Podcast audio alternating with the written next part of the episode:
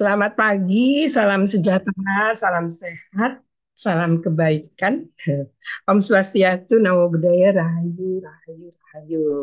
Assalamualaikum warahmatullahi wabarakatuh. Uh, sudah hadir di layar kaca kita masing-masing, uh, 15 orang. Uh, jam juga sudah jam 7.10. Uh, kita mulai ya. Uh, selamat pagi nih kepada Kak Teguh yang uh, selalu setia hadir di Kultur Parenting pagi. Ada Kak Abdal, Kak Hambali, terima kasih atas kesediaannya untuk berbagi praktek baik. Uh, Kak Yani, Kak Rina, Kak Kak Eriah ya, Kak Arfiani, Kak Kak Sally Tulus. Nah, ini siapa Good Education and Character ya, Kak Pia ya, dari Subang ya Kak ya, Kak Heni, uh, Kak Dek, dan semuanya ya. Oke, okay. oke. Okay. Hari ini kita akan uh, menyimak uh, apa yang sudah uh, dilaksanakan oleh Pak Hambali dan uh, para pendidik di SMP Negeri 7 Krui di uh, Kabupaten Pesisir Barat. Masih kabupaten tertinggal ya Pak uh, Kahambali ya. uh, ada ada perubahan perubahan yang uh, luar biasa yang dilakukan oleh uh, Pak Hambali dan tim untuk memperkuat sentra pendidikan yang bermuara pada uh, apa ya upaya untuk uh, mengubah orientasi pembelajaran jadi benar-benar berpusat pada uh, anak bukan pada ketuntasan materi gitu ya. Nah, budaya positif seperti apa yang sudah uh, berjalan dari uh, upaya-upaya untuk melakukan uh, perubahan kebiasaan-kebiasaan uh, efektif tidak hanya di uh, lingkungan sekolah tapi juga sudah merambah ke uh, rumah sehingga upaya untuk um, apa ya satu anak eh bukan satu, anak semua anak-anak kita baik itu di rumah di sekolah maupun di lingkungan sekitar itu sudah uh, mulai uh, terlihat ya dalam tiga empat tahun uh, terakhir ini. Uh, Kehambali, apakah sudah bisa dimulai? Masih unmute kak?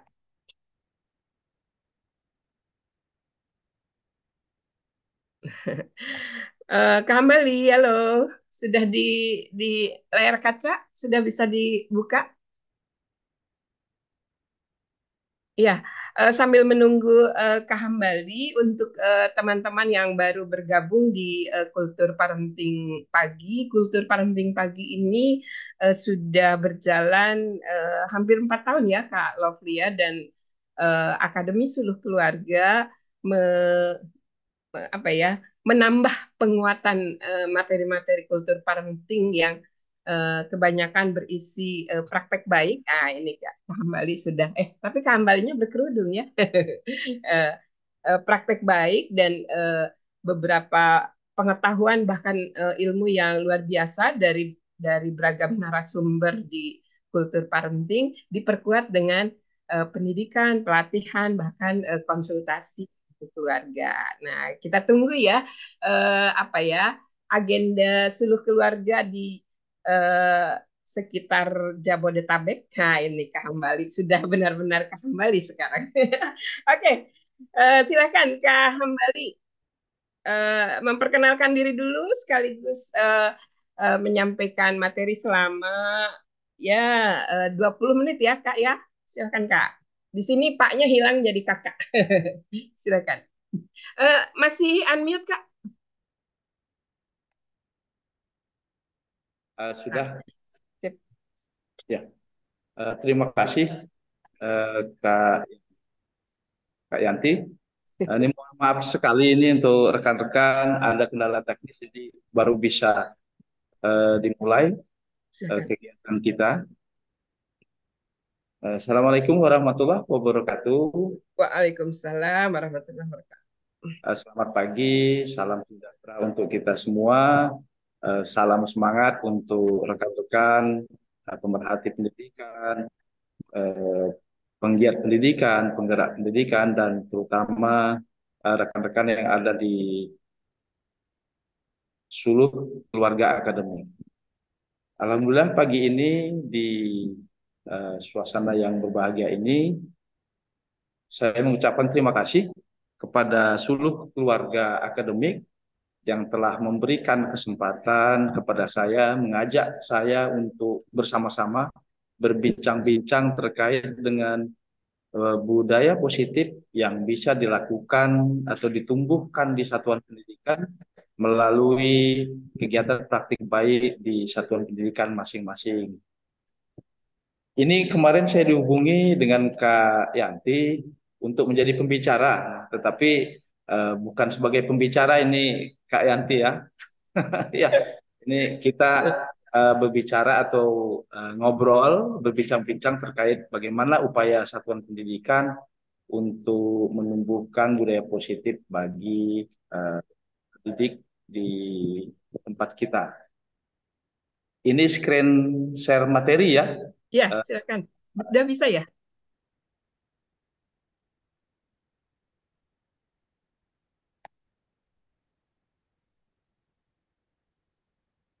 bagi yang belum pernah ke Krui, wah indah sekali di sana. Memang tempat apa? Surfing salah satu tempat surfing terbaik dunia di uh, Kabupaten Pesisir Barat. Masih masih belum, Kak? Oke, Kak. Silakan. Ya.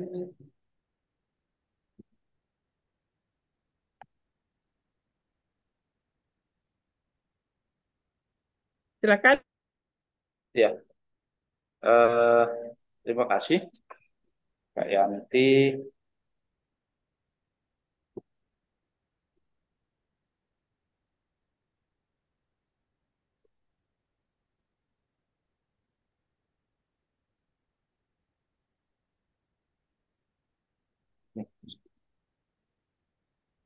Belum ada suaranya, Kak. Kembalinya hilang.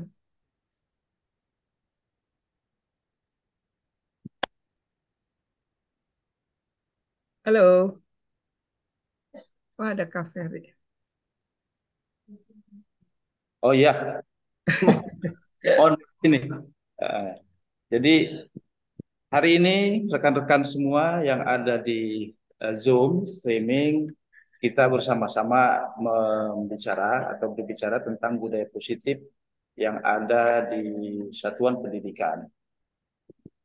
Saya yakin bahwa satuan pendidikan di seluruh Indonesia sudah melaksanakan atau sudah melakukan budaya-budaya positif eh, bagi warga satuan pendidikan karena memang eh, pada ritme pendidikan kita uh, yang saat ini itu banyak sekali perubahan-perubahan yang menuntut satuan pendidikan untuk mengedepankan ekspor kompetensi atau kemampuan dari peserta didik. Banyak sekali budaya positif yang bisa kita kembangkan yang sudah dilakukan oleh satuan pendidikan. Eh, baik yang sifatnya sederhana maupun yang mungkin tingkatannya agak lebih kompleks sedikit. Seperti ketika kita akan melakukan proses pembelajaran, kita berdoa bersama, kemudian eh, kita sambut eh, seluruh peserta didik dengan salam dan sebagainya. Itu merupakan satu budaya positif yang sudah berjalan di satuan pendidikan tentunya. Namun bagaimana upaya kita melakukan satu kegiatan atau kegiatan-kegiatan yang bisa kita uh, budayakan uh, bisa dikatakan bahwa uh, kegiatan-kegiatan ini merupakan praktik baik satuan pendidikan karena memang satuan pendidikan perlu melakukan upaya-upaya itu.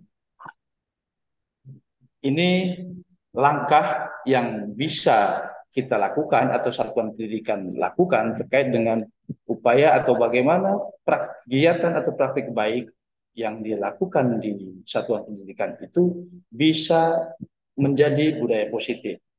Karena konsekuensinya budaya positif itu dapat dilakukan secara keseluruhan. Seperti yang saya sampaikan tadi bahwa kegiatan praktik baik, saya yakin sekolah-sekolah sudah melakukannya, baik yang sederhana maupun uh, level atau tingkatannya uh, sudah tinggi. Apalagi di pendidikan atau di sekolah-sekolah yang di kota level budayanya sudah berbeda pastinya dengan sekolah-sekolah yang ada di uh, daerah bahkan di pelosok. Seperti yang sampaikan Kak Yanti tadi, Kabupaten Pesisir Barat merupakan salah satu kabupaten baru yang dalam perkembangannya membutuhkan masukan dan eh, perbaikan-perbaikan atau dorongan sehingga harapannya satuan satuan pendidikan yang ada di Kabupaten Pesisir Barat bisa maju, eh, bisa setara dengan sekolah-sekolah lainnya. Baik, kita kembali ke kegiatan yang bisa dilakukan oleh satuan pendidikan untuk mengarah atau untuk menjadi uh, budaya positif. Harapannya bahwa kegiatan-kegiatan yang dilakukan oleh sekolah itu pada tahap-tahap awal diterapkan di kelompok atau jenjang atau tingkatan di di satuan pendidikan kalau kebetulan saya di jenjang SMP, maka bisa diterapkan mulai dari kelas 7, kelas 8, maupun kelas 9. Kemudian, bagaimana kegiatan praktik baik yang dilakukan oleh satuan pendidikan itu pada setiap tingkatan eh, jenjangnya tadi, baik kelas 7, 8, dan 9, itu bisa menjadi satu pembiasaan, satu kegiatan pembiasaan jadi maksud saya Kak Yanti bahwa kegiatan praktik baik ini levelnya dinaikkan menjadi satu pembiasaan. Misalkan dari kelas 7 itu terbawa ke kelas 8 dan terbawa ke kelas 9. Nah, di sinilah satuan pendidikan bukan atau harus memiliki komitmen dan konsekuensi yang baik, yang eh, harus dipegang teguh sehingga pembiasaan-pembiasaan itu praktiknya itu berkelanjutan.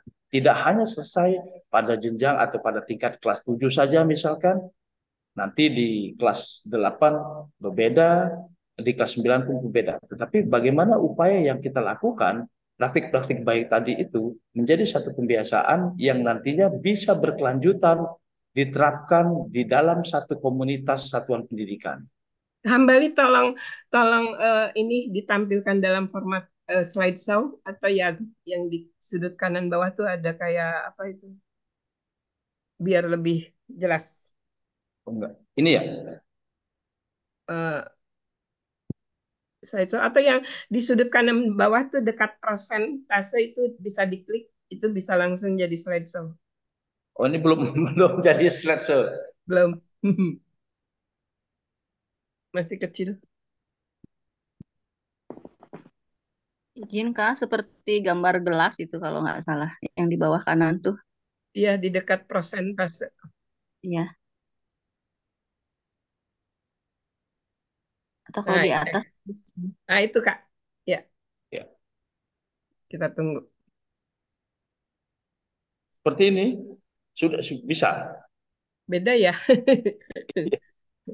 Beda ternyata. Atau yang di atas tuh ada tulisan slideshow, Kak. Slideshow uh, nanti dia akan muncul di atas di dekat uh, animation review di antara itu ada slideshow.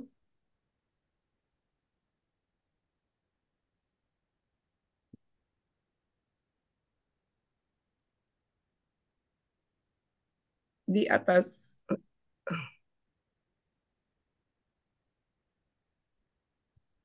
Sekarang posisi di home di sebelah kanan ada insert design animation slideshow. Ayo ke Hambali dari ya. home ke slideshow. Bisa? Iya, ini sudah kembali. Diklik Kak iya. slideshow-nya. Ya. ya. Bukan, bukan. Bukan, ya, bukan itu, itu Kak. Bukan persentase di sebelahnya itu dia itu. Oke. Okay. Ya itu Kak, slide ya. show. Ya. Ya, munculnya seperti ini. Apa? Oh, Aneh ya. ya, ya nggak apa. Yang kalau di atas juga nggak bisa, Pak. Yang di atas. Diklik Kak, itu dekat home, insert, design, animation, slideshow. Klik. Klik slide- slideshow-nya from beginning nanti. Ya, di atas, di atas.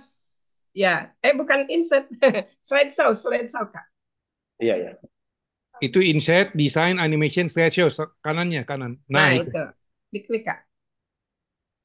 From current sli- slide, boleh. Yes. Sama sama ini. Sama aja ya. Ya Aneh ya. udah, udah nggak apa-apa kayak Yanti. Ya udah nggak apa-apa deh Kak. Lanjut aja Kak. Ya. Eh, Nah itu bisa diklik nggak? Nggak bisa ya. Ya udah. Udah Kak, nggak apa-apa. Lanjut aja. Dibacakan aja. oh, tidak muncul ya, Kak Iya, Yanti. iya. Nggak apa-apa. Lanjut aja Kak, karena waktunya terbatas. Ya Kak. Nah, jadi ada beberapa pertimbangan yang bisa dilakukan oleh satuan pendidikan terkait dengan bagaimana praktik baik itu akan dilakukan, akan dipraktikkan oleh satuan pendidikan. Yang pertama adalah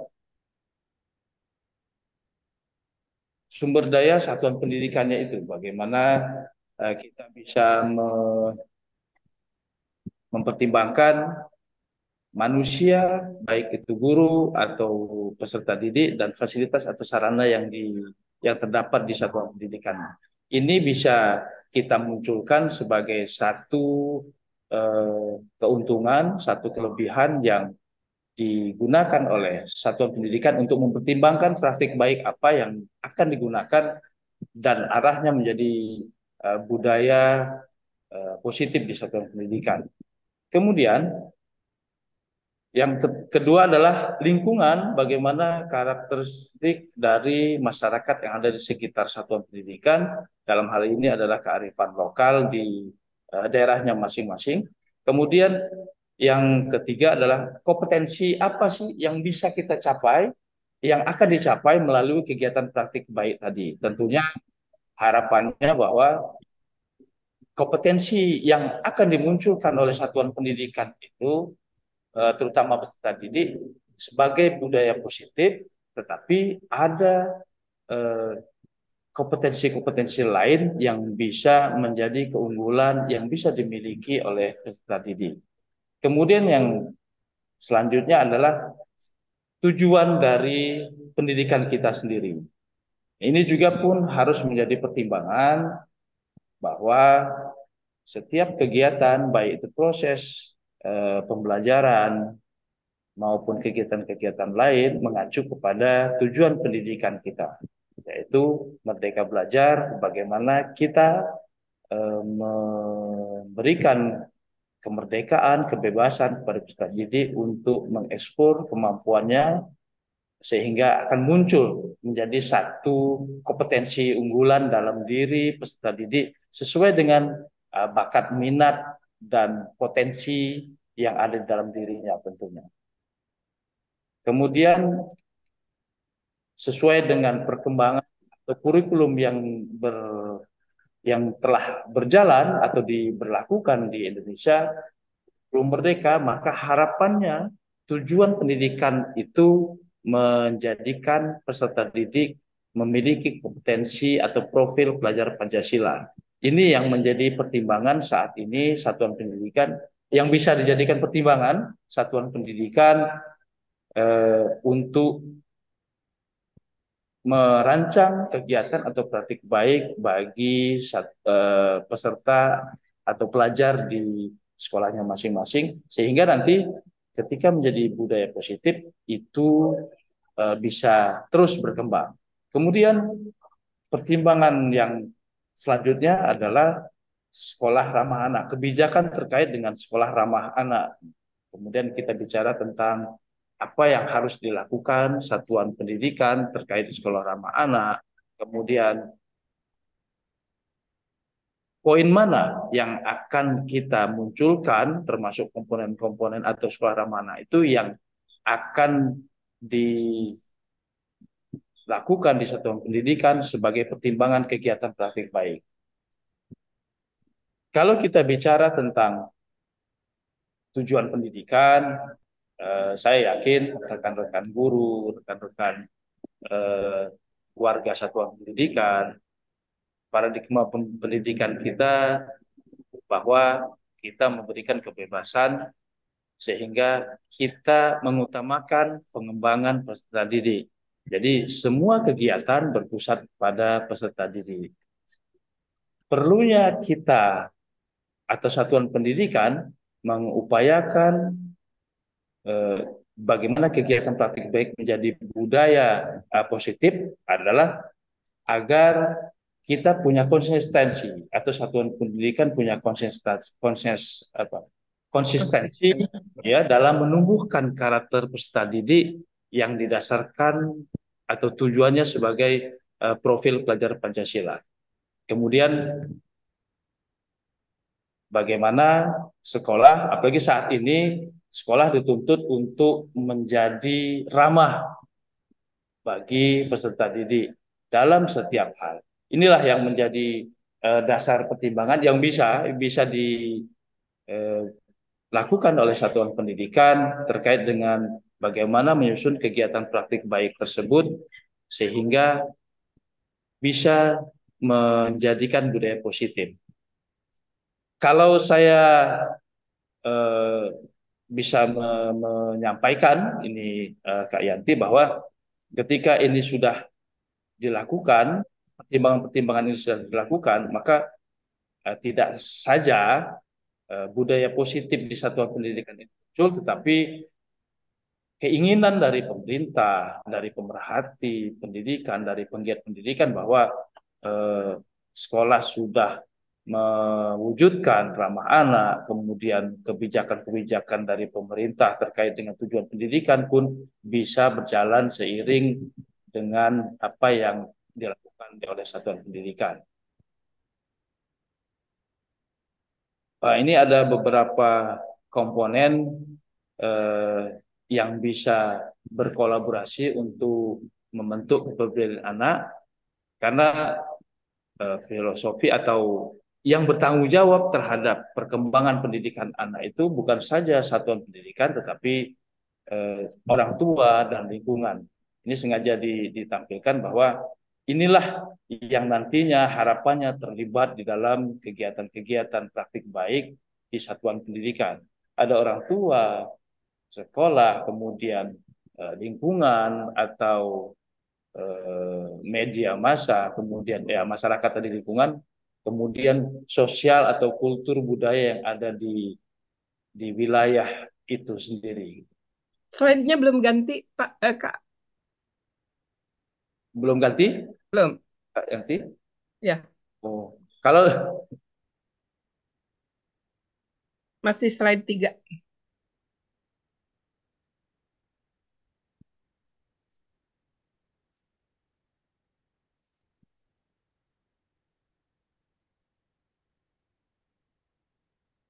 Silakan kakak yang bergabung uh, kalau ada yang mau uh, berbagi bisa dituliskan di uh, chat room atau uh, raise hand bagi yang uh, akan menyampaikan langsung. Nanti uh, kita simak dulu ya dari uh, Kahambali sampai uh, tuntas.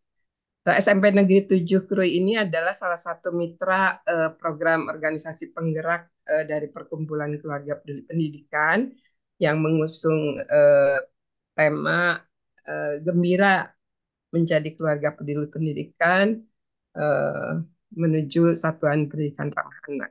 Nah, salah satu praktek baik uh, di SMP Negeri 7 Krui yang uh, diperluas oleh uh, keluarga peduli pendidikan, Sigap Indonesia dan uh, Sandi Karlip adalah Gita Rasa berbagi cerita untuk raih asa itu kalau ini biasa silakan tampak uh, Kak Yanti? Uh, belum, belum. Belum. Belum. Di di share share screen. Belum. belum share screen. Share screen ulang Kak, Kak. Kembali. Iya.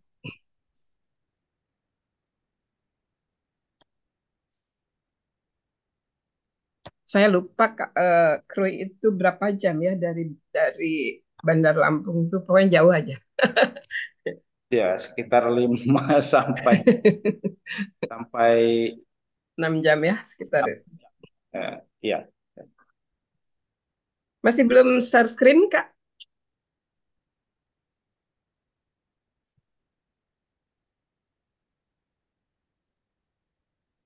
Nah, sudah mulai. Oke. Okay. Ya, uh, bisa dilanjutkan ini? Ya, lanjut ke slide berikutnya. Ya.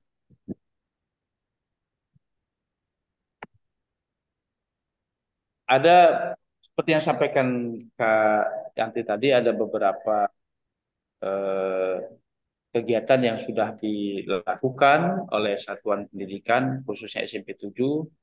Eh, ini pun eh, berkat uh, bimbingan atau arahan dari Kerlip. Yang pertama adalah kegiatan Kasafa. Ini kegiatan ini uh, dilakukan dalam rangka menumbuhkan uh, kompetensi kreatif, kemudian uh, mandiri, kemudian uh, kebersamaan juga bagaimana didik bisa bekerja sama Eh, dan dalam suasana kebersamaan yang gembira kemudian eh, menumbuh kembangkan peduli terhadap lingkungan. Kemudian ini saya ini kan kemudian eh, yang kedua adalah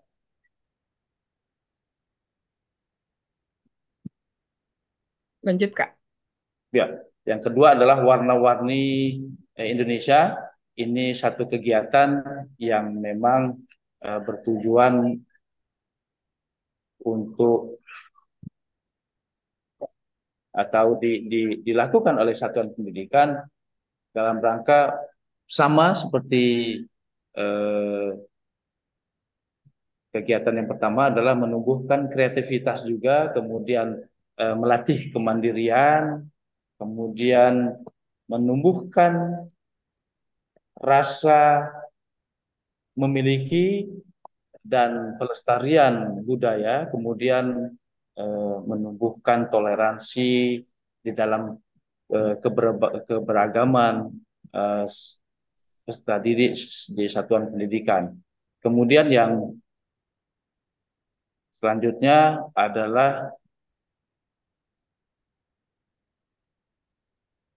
kegiatan Gita Rasa. Ini kegiatan kita rasa. Slide berikutnya, Kak. Iya. Ya.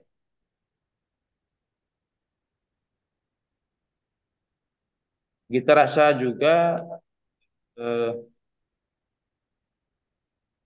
dilakukan oleh satuan pendidikan dengan tujuan kompetensi adalah sama Eh, mengasah atau mengembangkan kreativitas, kemampuan berpikir kreatif, eh, kemudian eh, komunikatif, berpikir kritis sesuai dengan tujuan dan profil pelajar Pancasila, kemudian meningkatkan kemampuan berbahasa dan komunikasi, kemudian meningkatkan rasa percaya diri dalam menuangkan ide dan gagasan, kemudian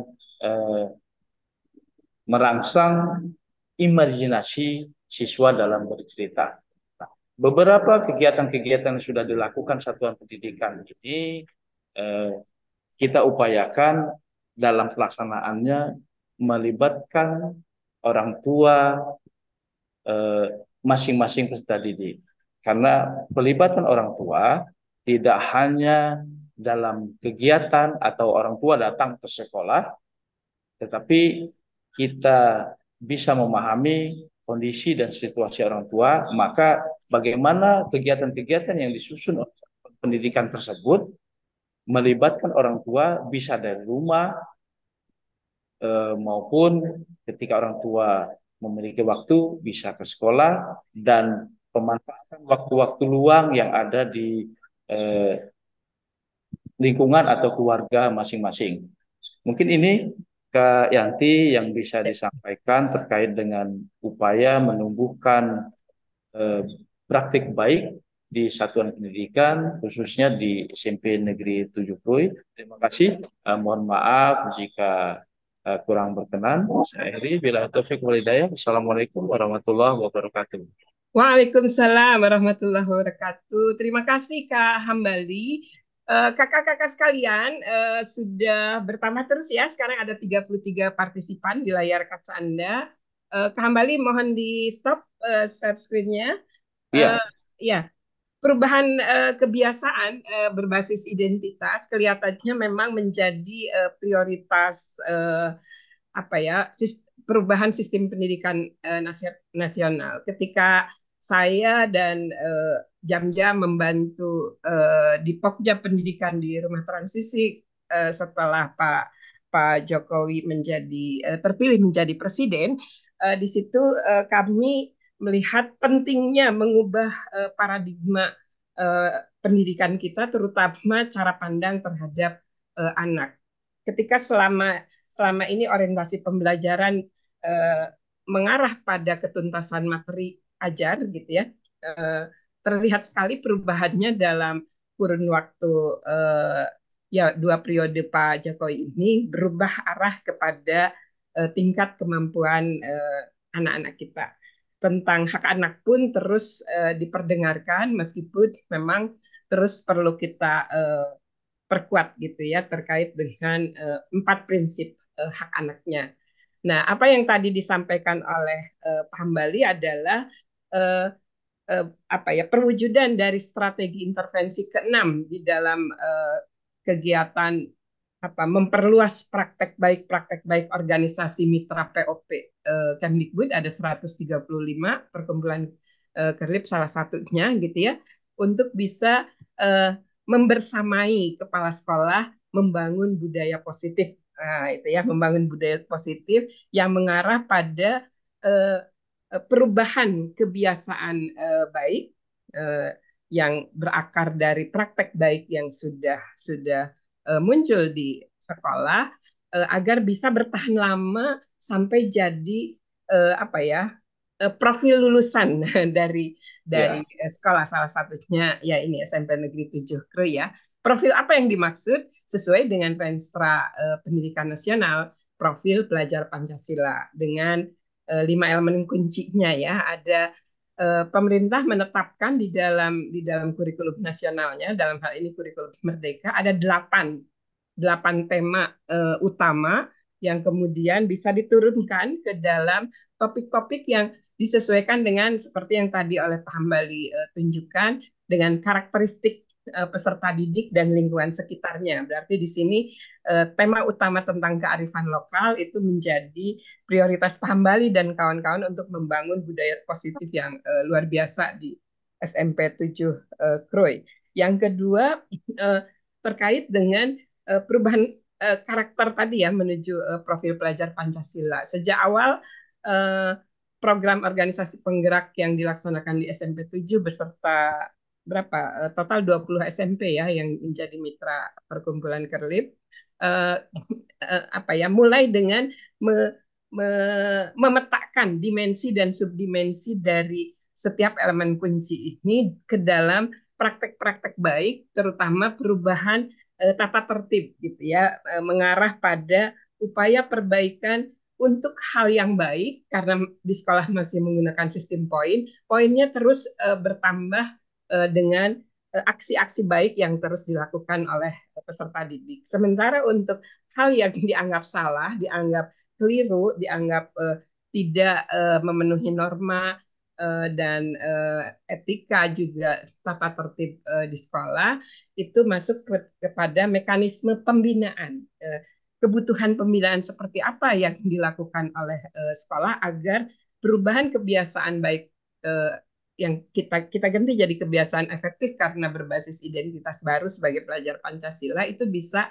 uh, bertahan lama bukan hanya sampai anak-anak lulus gitu ya. Kalau itu benar-benar terus dilakukan, ini akan menjadi uh, karakter. Kita masih ingat mungkin waktu ada Permendikbud terkait dengan penumbuhan uh, budi pekerti ya, uh, ada enam tahapan untuk bisa sampai uh, budaya. Nah ini juga bisa jadi salah satu uh, acuan untuk uh, melihat seberapa besar praktek baik di sekolah masing-masing itu bisa mengubah budaya sekolah jadi benar-benar pembelajarannya ramah anak berorientasi pada uh, tingkat uh, kemampuan anak terus mengakar dengan kearifan lokalnya gitu ya dan mengarah pada uh, penanaman nilai-nilai Pancasila. Ah, Oke, okay.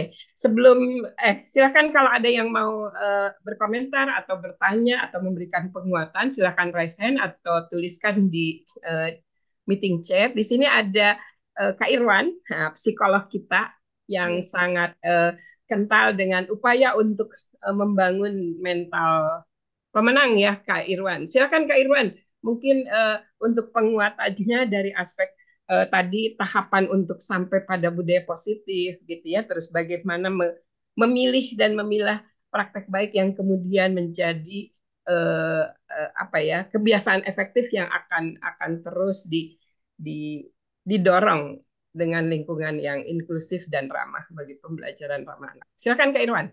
Terima kasih. Ini Kak, Kak Yanti itu memang pinter banget ya. Eh, Masya Allah. Alhamdulillah. Artinya tadi rangkumnya itu udah ke ini ya. Jadi saya lagi senang menyimak Toto di todong nih ke Makasih. Pinter nodong berarti ya ujungnya itu. Iya. Assalamualaikum warahmatullahi wabarakatuh. Salam sejahtera. Ya, eh, seperti kata Kak Ambali tadi ya, kalau di sini agak-agak mendung dikit lah gitu ya dari kemarin juga hujan gitu ya. Eh, saya melihat yang pertama ya, saya saya lihat eh, kan kita sering kata ada ada terminologi baik, ada terminologi benar gitu ya. Jadi misalnya kalau kalau kita ambil contoh di keluarga aja, itu benar nggak? Itu baik nggak gitu. Jadi saya kira saya kira pertama eh, ya sebaiknya sebaiknya kita bisa mewadahi kedua-duanya ya eh, baik dan eh, benar. Nah, saya selanjutnya memang ini kan memang habituasi, memang suatu cara ya, suatu cara. Eh, saya jadi teringat ada ada suatu cerita, nggak tahu ya di, di, diberikan oleh teman saya seorang trainer. Eh, menurut dia sih memang itu oh, kisah nyata, bukan di kita gitu ya. Jadi ada kejahatan yang ingin dilakukan seseorang di suatu kampung tertentu gitu kan satu kampung tertentu supaya dia tidak dicurigai. Jadi dia kan eh, semacam ngontrak rumah atau ngekos gitu ya.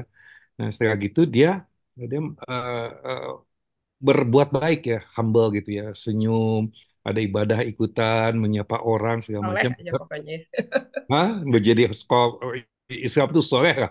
Kalau yang laki soleh, kalau kalau yang perempuan solehah ya. Jadi eh, setelah itu pada saat target ya kan dia punya target nah setelah tiga, tiga bulan itu gitu ya uh, baru dia akan melaksanakan operasi kejahatannya yang ternyata ternyata pada saat dia ingin melakukan lah nggak bisa gitu ada ada ada suatu uh, suatu apa ya kayak kayak ada ada yang menahan gitu Nah, uh, karena keduru udah ke, keburu jadi saleh gitu, eh saleh. Keburu jadi baik gitu ya. Jadi ternyata habituasi itu ya, uh, walaupun tadinya niatnya sudah mau itu gitu, kok bisa. Uh, jadi saya sangat yakin dengan keyakinan saya, kalau kita niat baik itu udah dicatat gitu. Kalau niat jahat, kalau belum dilakukan itu belum dicatat gitu kan. Betul ya, ini kan ada ada ustazah Yanti ini juga.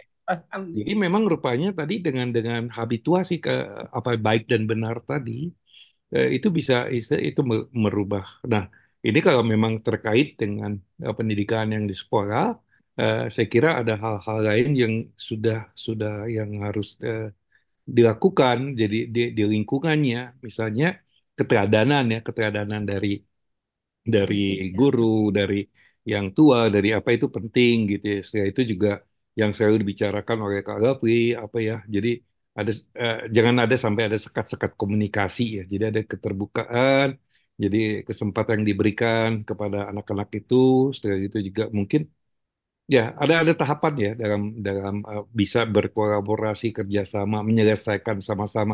Ya tergantung pada usianya tentunya ada milestone-nya masing-masing gitu ya. Setelah itu ya memang uh, udah lengkap deh. Walaupun kan mungkin saja namanya sekarang lengkap nanti besok bisa ada temuan baru. Tapi uh, apa yang di, dirumuskan dengan Pancasila ya ke keanekaragaman, bagaimana itu dihargai gitu kan. Setelah itu keterbukaan untuk balik yang positif, saling hormati, menghargai ya ke apa namanya uh, dan tadi ya memang uh, kita kan harus memilih memilah gitu ya. Kadang-kadang kan ingin semuanya. karena pengen apa tuh jadi cari sekolah favorit yang jauh banget gitu ya. Oh, iya. tapi why kenapa, kenapa nggak kita ini ya saya kemarin diingatkan anak saya gitu. Ih, eh, saudara yang terdekat itu tetangga gitu. Iya. kenapa nggak kita mulai dari situ? gitu. Kadang-kadang kan kita Wuyu, pengen-pengen ketemu. Padahal orang-orang itu yang sering kita ketemu. Tapi kita belain. Tapi sementara yang dekat kita juga kita lupakan gitu. Nah ini menurut saya juga ada hal-hal yang yang yang eh, yang harus kita benarkan lagi kompas-kompas seperti itu. Ya gitu Kak Hambali. Mudah-mudahan eh, ini mohon maaf batin kalau ada yang salah-salah kata. Terima kasih Kak Yanti. Oke, Eh, Kak Hambali, di sini kita sebelum ke Kak Hambali ada ada Kak Masri tuh yang sudah buka kamera. Kak Masri, ayo dong, Kak. Bagaimana budaya positif di di eh, sekolah Kakak setelah eh, kita tidak lagi di SK-kan jadi Fasnas SRA ya? Silakan tinggi, bukit Masri. tinggi. Berhenti Juli 2023. Silakan Kak, kalau ada yang mau dibagi di- untuk penguatan seperti apa gitu ya, eh, eh, mengubah kebiasaan itu jadi jadi kebiasaan efektif yang berbasis pada identitas baru sebagai eh, pelajar Pancasila yang katanya memiliki apa ya komitmen terhadap eh, kebinekaan global dan kesiapan untuk menanamkan nilai-nilai Pancasila. Kak Masri ada yang mau disampaikan atau yang lain? Eh, Kak Pia, Kak Teguh di sini eh, yang selalu rajin Kak Ferry nih udah lama sekali nggak nggak ketemu ya. Pokoknya saya panggil deh orang-orang yang eh, sering sering hadir dulu, sering hadir dulu. Kepada kakak-kakak yang baru dan belum bergabung di grup eh, Suluh Keluarga, silahkan klik link yang disampaikan oleh Kak Deli. Kak Deli bisa eh, kirim lagi Kak Eh, silakan Kak Hambali eh, karena belum ada yang berkomentar atau bertanya atau raise hand, eh, Kak Hambali bisa bisa kembali memperkuat apa yang sudah eh, disampaikan. Oh ya, eh, terima kasih eh, Kak Yanti. Eh, benar seperti yang sampaikan di tadi bahwa eh, budaya-budaya atau kegiatan praktik baik yang dilakukan satuan pendidikan tetap eh, didasarkan dari keteladanan, kemudian eh, yang bisa ditunjukkan oleh eh, guru atau tenaga pendidik eh, di satuan pendidikan. Maka tadi eh, itulah dasar pertimbangan yang bisa dilakukan satuan pendidikan ketika merumuskan satu hal berupa praktik baik apa yang akan dilakukan oleh satuan pendidikan tersebut. Kemudian saya juga sangat setuju ketika memang satuan pendidikan harus memberikan kesempatan yang sama uh, oleh atau kepada seluruh peserta didik, kemudian keterbukaan, uh, menghilangkan sekat, kemudian memberikan kesempatan pada peserta didik apa yang diinginkan. Maka tadi eh, sempat saya katakan bahwa kegiatan-kegiatan yang dilakukan oleh satuan pendidikan, eh, warna-warni Indonesia, kemudian eh, atau kita rasa itu benar-benar eh, memberikan kesempatan. Ini akan menjadi apa? Terserah kalian. Ya, kami berusaha untuk mencoba memberikan bimbingan kalau dalam eh, tanda kutip atau menuntun lah kalau kita boleh mengutip atau dari pendapat. eh, Ki Hajar Dewantara terkait dengan pendidikan tersebut, peran kita sebagai tenaga pendidik atau pendidik itu di mana ya kita mencoba untuk menuntunnya perkembangan kompetensi yang ada di dalam diri peserta didik. Mudah-mudahan itu bisa maksimal termunculkan oleh peserta didik tersebut. Itu eh, Kak Yanti.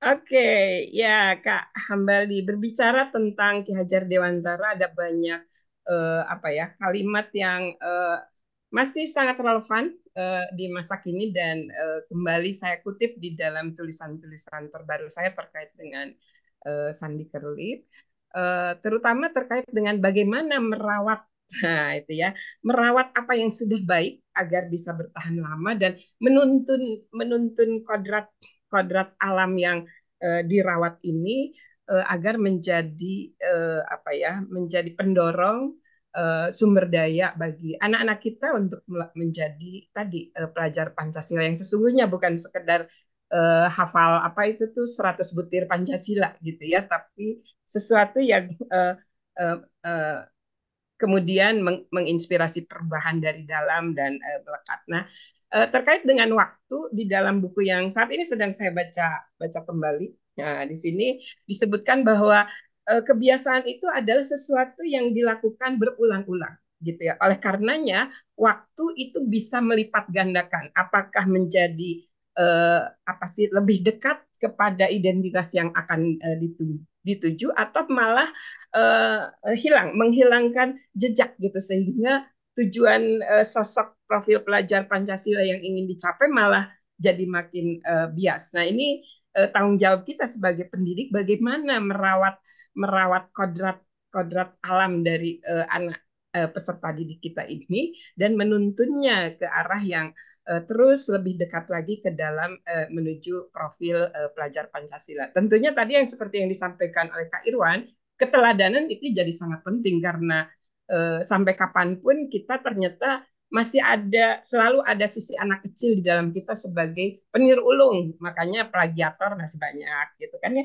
Ada peniru ulung jadi jadi malah malah plagiat gitu kan. Tapi kalau untuk hal baik dan ini bisa Eh, benar-benar efektif mendekatkan kita pada sosok sosok pelajar Pancasila yang kita idam-idamkan kenapa tidak? Nah salah satu tema utama di dalam di dalam uh, proyek penguatan uh, profil pelajar Pancasila adalah Bhinneka Tunggal Ika. Itu memang semboyan negara kita. Sayangnya ini tapi penelitian ini uh, dilakukan uh, untuk anak-anak SMA ya dan respondennya luar biasa uh, banyak.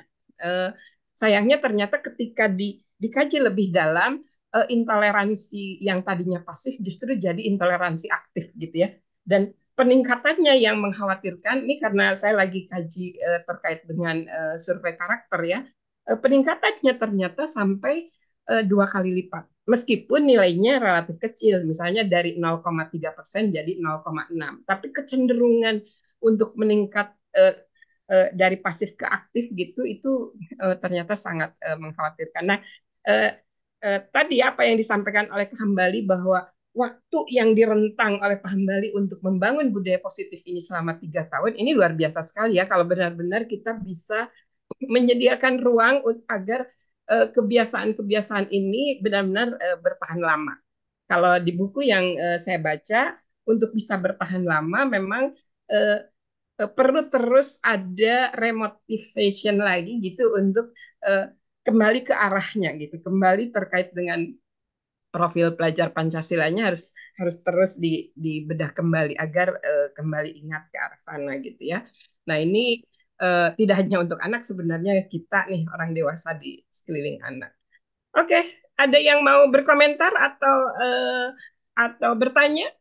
ini banyak pendidik di sini yang uh, luar biasa ada ada Kak Teguh, Kak uh, Kak Pia, Kak Leni nih yang uh, sangat rajin hadir di kultur parenting. Ada Kak Madiman juga. Wah, ini sahabat lama di uh, Deli Serdang.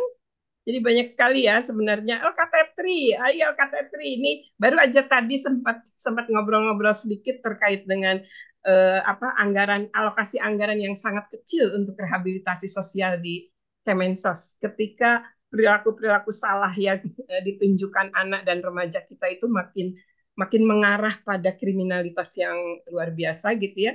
Rehabilitasi sosial itu jadi perlu anggaran yang cukup kelihatannya Kak Tetri. Silakan Kak Pia dari Subang. Hmm.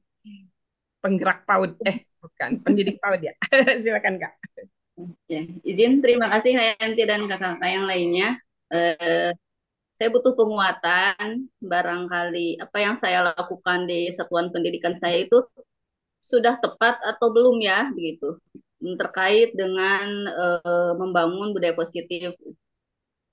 Waktu diskusi di suluk keluarga itu uh, terjadi perbedaan apa ya, istilah mungkin ya, yang disiplin kata disiplin itu.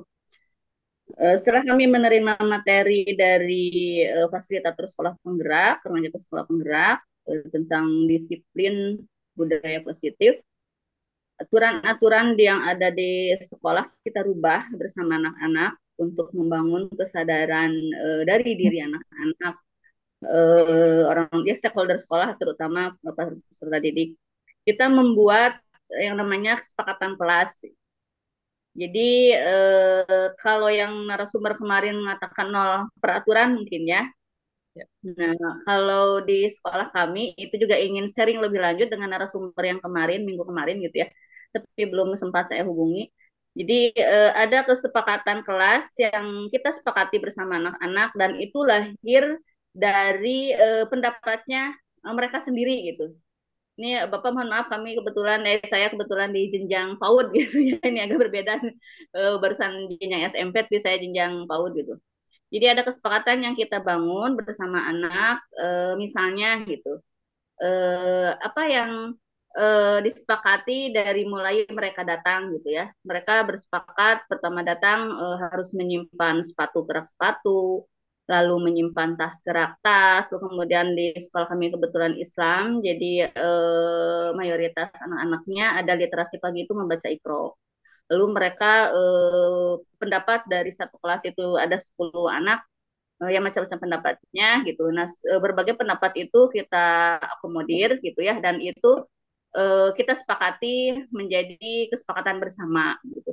Jadi ketika misalnya ada eh, kemudian membaca ikro, berbaris dan lain sebagainya. Ketika ada anak-anak yang uh, belum uh, misalnya waktunya berbaris belum berbaris, uh, nak kesepakatan kita kemarin bagaimana ya setelah uh, ini misalnya apa? Oh iya berbaris, nah mereka akan langsung berbaris. Apakah yang yang kami lakukan itu uh, tepat atau tidak? Gitu. Karena ada ada satu dilema gitu ya. Kemarin mungkin berbeda istilah uh, saja uh, dari disiplin itu uh, kata disiplin dihilangkan menjadi kata membangun lalu uh, kalau tanpa aturan saya juga ingin tahu yang nomor peraturan di narasumber kemarin itu seperti apa gitu ya ingin ingin saya um, pengetahuannya masih dangkal gitulah itu mungkin terima kasih Oke, terima kasih Kak Pia. Ini karena sudah jam 8 lewat 3, jadi saya persilahkan dulu ke Kak Arfiadni untuk menyampaikan. Dua menit ya Kak, biar nanti uh, Kak Hambali uh, merespon sambil uh, di, uh, closing statement ya Kak Hambali. Silakan Kak Arfiani. Izin ya, saya baru kali ini bertemu kan tertarik sekali ya saya hari ini pagi ini sangat tertarik. Assalamualaikum warahmatullahi wabarakatuh. Waalaikumsalam. Kakak dari mana? Izin, izin saya off cam ya. Iya iya. Kak Arfiani ya, dari saya mana? dari perkenalkan saya dari domisili saya itu di Cimahi. Oh, alhamdulillah. Domisili Cimahi, tetapi saya bekerja di Tangerang. Oh, saya kerja di Tangerang, tetapi saya mempunyai suatu lembaga pendidikan anak usia dini di Cimahi.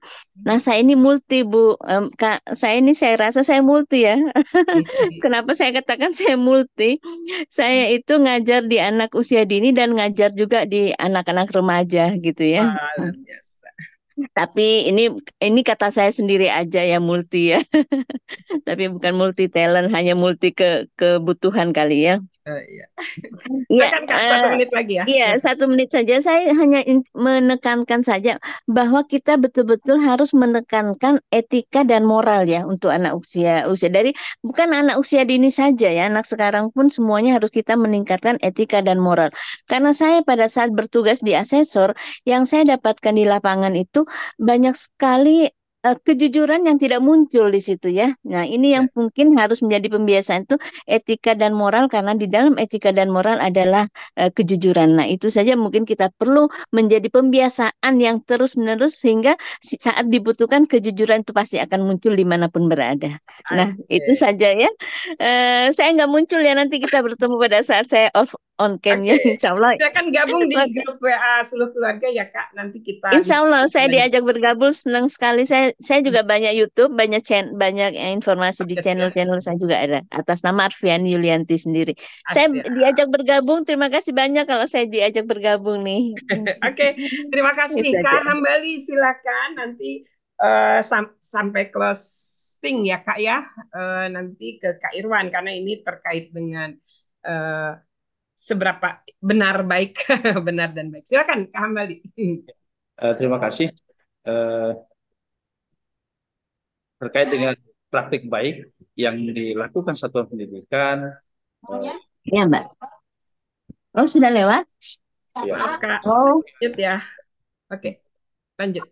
ya, terkait dengan praktik baik yang dilakukan oleh satuan pendidikan, eh, seyogyanya mengacu kepada apa yang seharusnya dilakukan oleh satuan pendidikan sebagai bentuk atau upaya untuk me- meningkatkan atau memunculkan atau mengekspor kompetensi eh, peserta didik sehingga nantinya eh, pembiasaan eh, praktik baik tadi bisa menjadi satu pembiasaan eh, pendidikan. Maka eh, dalam kesempatan ini saya mengajak kepada kita semua, terutama guru-guru hebat, terkait dengan perubahan-perubahan eh, tujuan pendidikan saat ini banyak tantangan yang harus kita eh, hadapi. Maka untuk belajar bagaimana mengatasi tantangan-tantangan tersebut, maka eh, kita terlibat di dalam perubahan-perubahan tersebut. Jadi, ayo tunjukkan kita sebagai tenaga pendidik hebat, kita menerima perubahan dan terlibat dalam perubahan eh, tersebut demi untuk memberikan kesempatan eh, peserta didik yang ada di satuan pendidikan yang masing-masing. Demikian eh, Kak Yanti, Eh, mohon Oke. maaf. Terima kasih Kak Hambali. Kak Irwan, silakan Kak Irwan. Ini eh, dari dari beberapa referensi yang saya baca sih, saya kan bukan ahlinya ya, untuk eh, membentuk atau membangun kebiasaan itu memang yang eh, paling efektif tidak tidak menilai benar salah atau baik buruk gitu ya, tapi mengarah pada eh, identitas baru yang ingin kita eh, wujudkan di masa depan. Kalau kita ingin anak-anak kita menjadi pelajar Pancasila sejati, mari kita pelajari kembali nilai-nilai yang ada di Pancasila dan kita bersepakat untuk uh, terus menengok ke sana atau mengasah gergajinya dengan uh, dimensi subdimensi di dalam nilai-nilai Pancasila. Silakan Kak Irwan. Terima kasih Kak Yanti. Jadi eh, kita dilahirkan di- kita dilahirkan dengan keunikan ya. Ada ada ada pendalaman DNA segala macam itu ya. Bakat segala macam secara medis, secara psikologis bahkan ada itu DNA yang sekarang gitu ya. Tapi memang mahal gitu kan. Tapi kalau kita lihat ini ada skenario yang maha, maha, maha kuasa ya. Kita lihat dari lingkungan yang besar gitu ada masyarakat itu saya ilustrasikan sebagai kolam besar. Terus negara kita ini ada kolam yang lebih kecil. Yaitu ada lingkungan kita ini kolam kita sendiri gitu ya. Dan kita kan tidak akan lepas dari dari itu semua. Ya kan? Sehebat apa pun kita ya susah kita membersihkan kolam kita kolam, besarnya katanya masih kotor gitu. ya. Tapi saya jadi teringat ada seorang bishop yang dituliskan di, di, di makamnya dia gitu kan. Yang dia katakan eh, waktu saya kecil saya pengen merubah dunia gitu ya. Hmm. Semakin saya besar ternyata dunia itu tidak bisa berubah juga. Waktu itu saya coba aja ngerubah negara saya gitu ya. Ternyata itu juga nggak bisa gitu. Sampai saya dewasa itu tidak bisa gitu ya. kalau gitu saya sekarang udahlah keluarga saya aja lah gitu ya. Ini bahasa-bahasa ini gaul-gaulnya gitu ya. Keluarga Susah saya juga ternyata. ternyata nggak bisa juga gitu. Nah, menyerang kematiannya, dia waktu itu berpikir, kenapa ya waktu itu saya tidak bercita-cita merubah diri saya sesuai identitas tadi. Bukan tidak mungkin keluarga saya menjadi menjadi terinspirasi untuk meniru dan berubah. Bukan tidak mungkin keluarga saya dan mendukung juga untuk saya bisa merubah negara dan selanjutnya bahkan merubah dunia. Jadi kembali lagi hal itu adalah kepada diri kita sendiri. Saya gitu, saya kira gitu Kak Yanti. Makasih. Oke, ini pagi yang uh, luar biasa ya, hadir uh, meskipun bergantian ada 36 uh, partisipan dan uh, suhu-suhunya juga hadir semua kembali wah luar biasa Ins inspiring banget ya, ada uh, budaya positif yang bisa benar-benar dijaga oleh uh, kepala sekolah dan uh, ini bermuara pada perbaikan diri sebenarnya dan perbaikan diri ini hanya bisa dilakukan memang dengan uh, melipat gandakan kebiasaan-kebiasaan yang kita pandang uh, lebih dekat lagi ke profil pelajar Pancasila yang kita uh, impikan gitu. Siapa pun presidennya karena baru baru uh, pilpres ya, uh, yang pasti apa pun sosok kita, ketika kita mulai dari diri kita sendiri uh, dan terus diulang-ulang sehingga siapa pun, terutama anak-anak kita uh, yang lebih muda, lebih kecil gitu ya, melihat sosok-sosok yang uh, apa sih terus melakukan perubahan-perubahan yang sangat kecil tapi terus maju mendekat ke ke husnul khotimah kalau yang muslim gitu ya ke arah uh, profil pelajar Pancasila percayalah ini akan jauh lebih lebih baik ke depan. Ada uh, penelitian yang uh, menarik yang uh, saya baca dalam uh, proses uh, kajian terkini ini.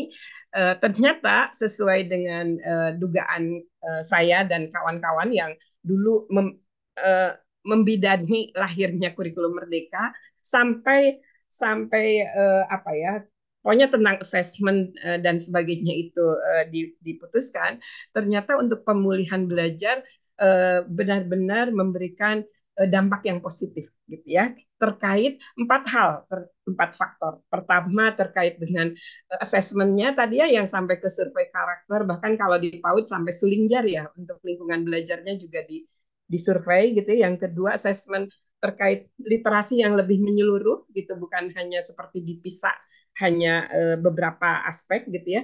Juga terkait numerasinya gitu yang lebih mendalam dan dilakukan setiap tahun uh, ternyata uh, ini ini terbukti memberikan uh, dorongan positif ke arah peningkatan ketangguhan para peserta didik kita, terutama yang berada di daerah tertinggal. Makanya pas banget uh, Kehambali uh, hadir di sini untuk menginspirasi ya, karena memang uh, luar biasa untuk bisa belajar di sekolah-sekolah di di Krui itu. Luar biasa uh, bagi anak-anak juga bagi guru dan kepala sekolahnya gitu tantangannya ya dibanding kita yang di Bandung atau di Jakarta dan sebagainya.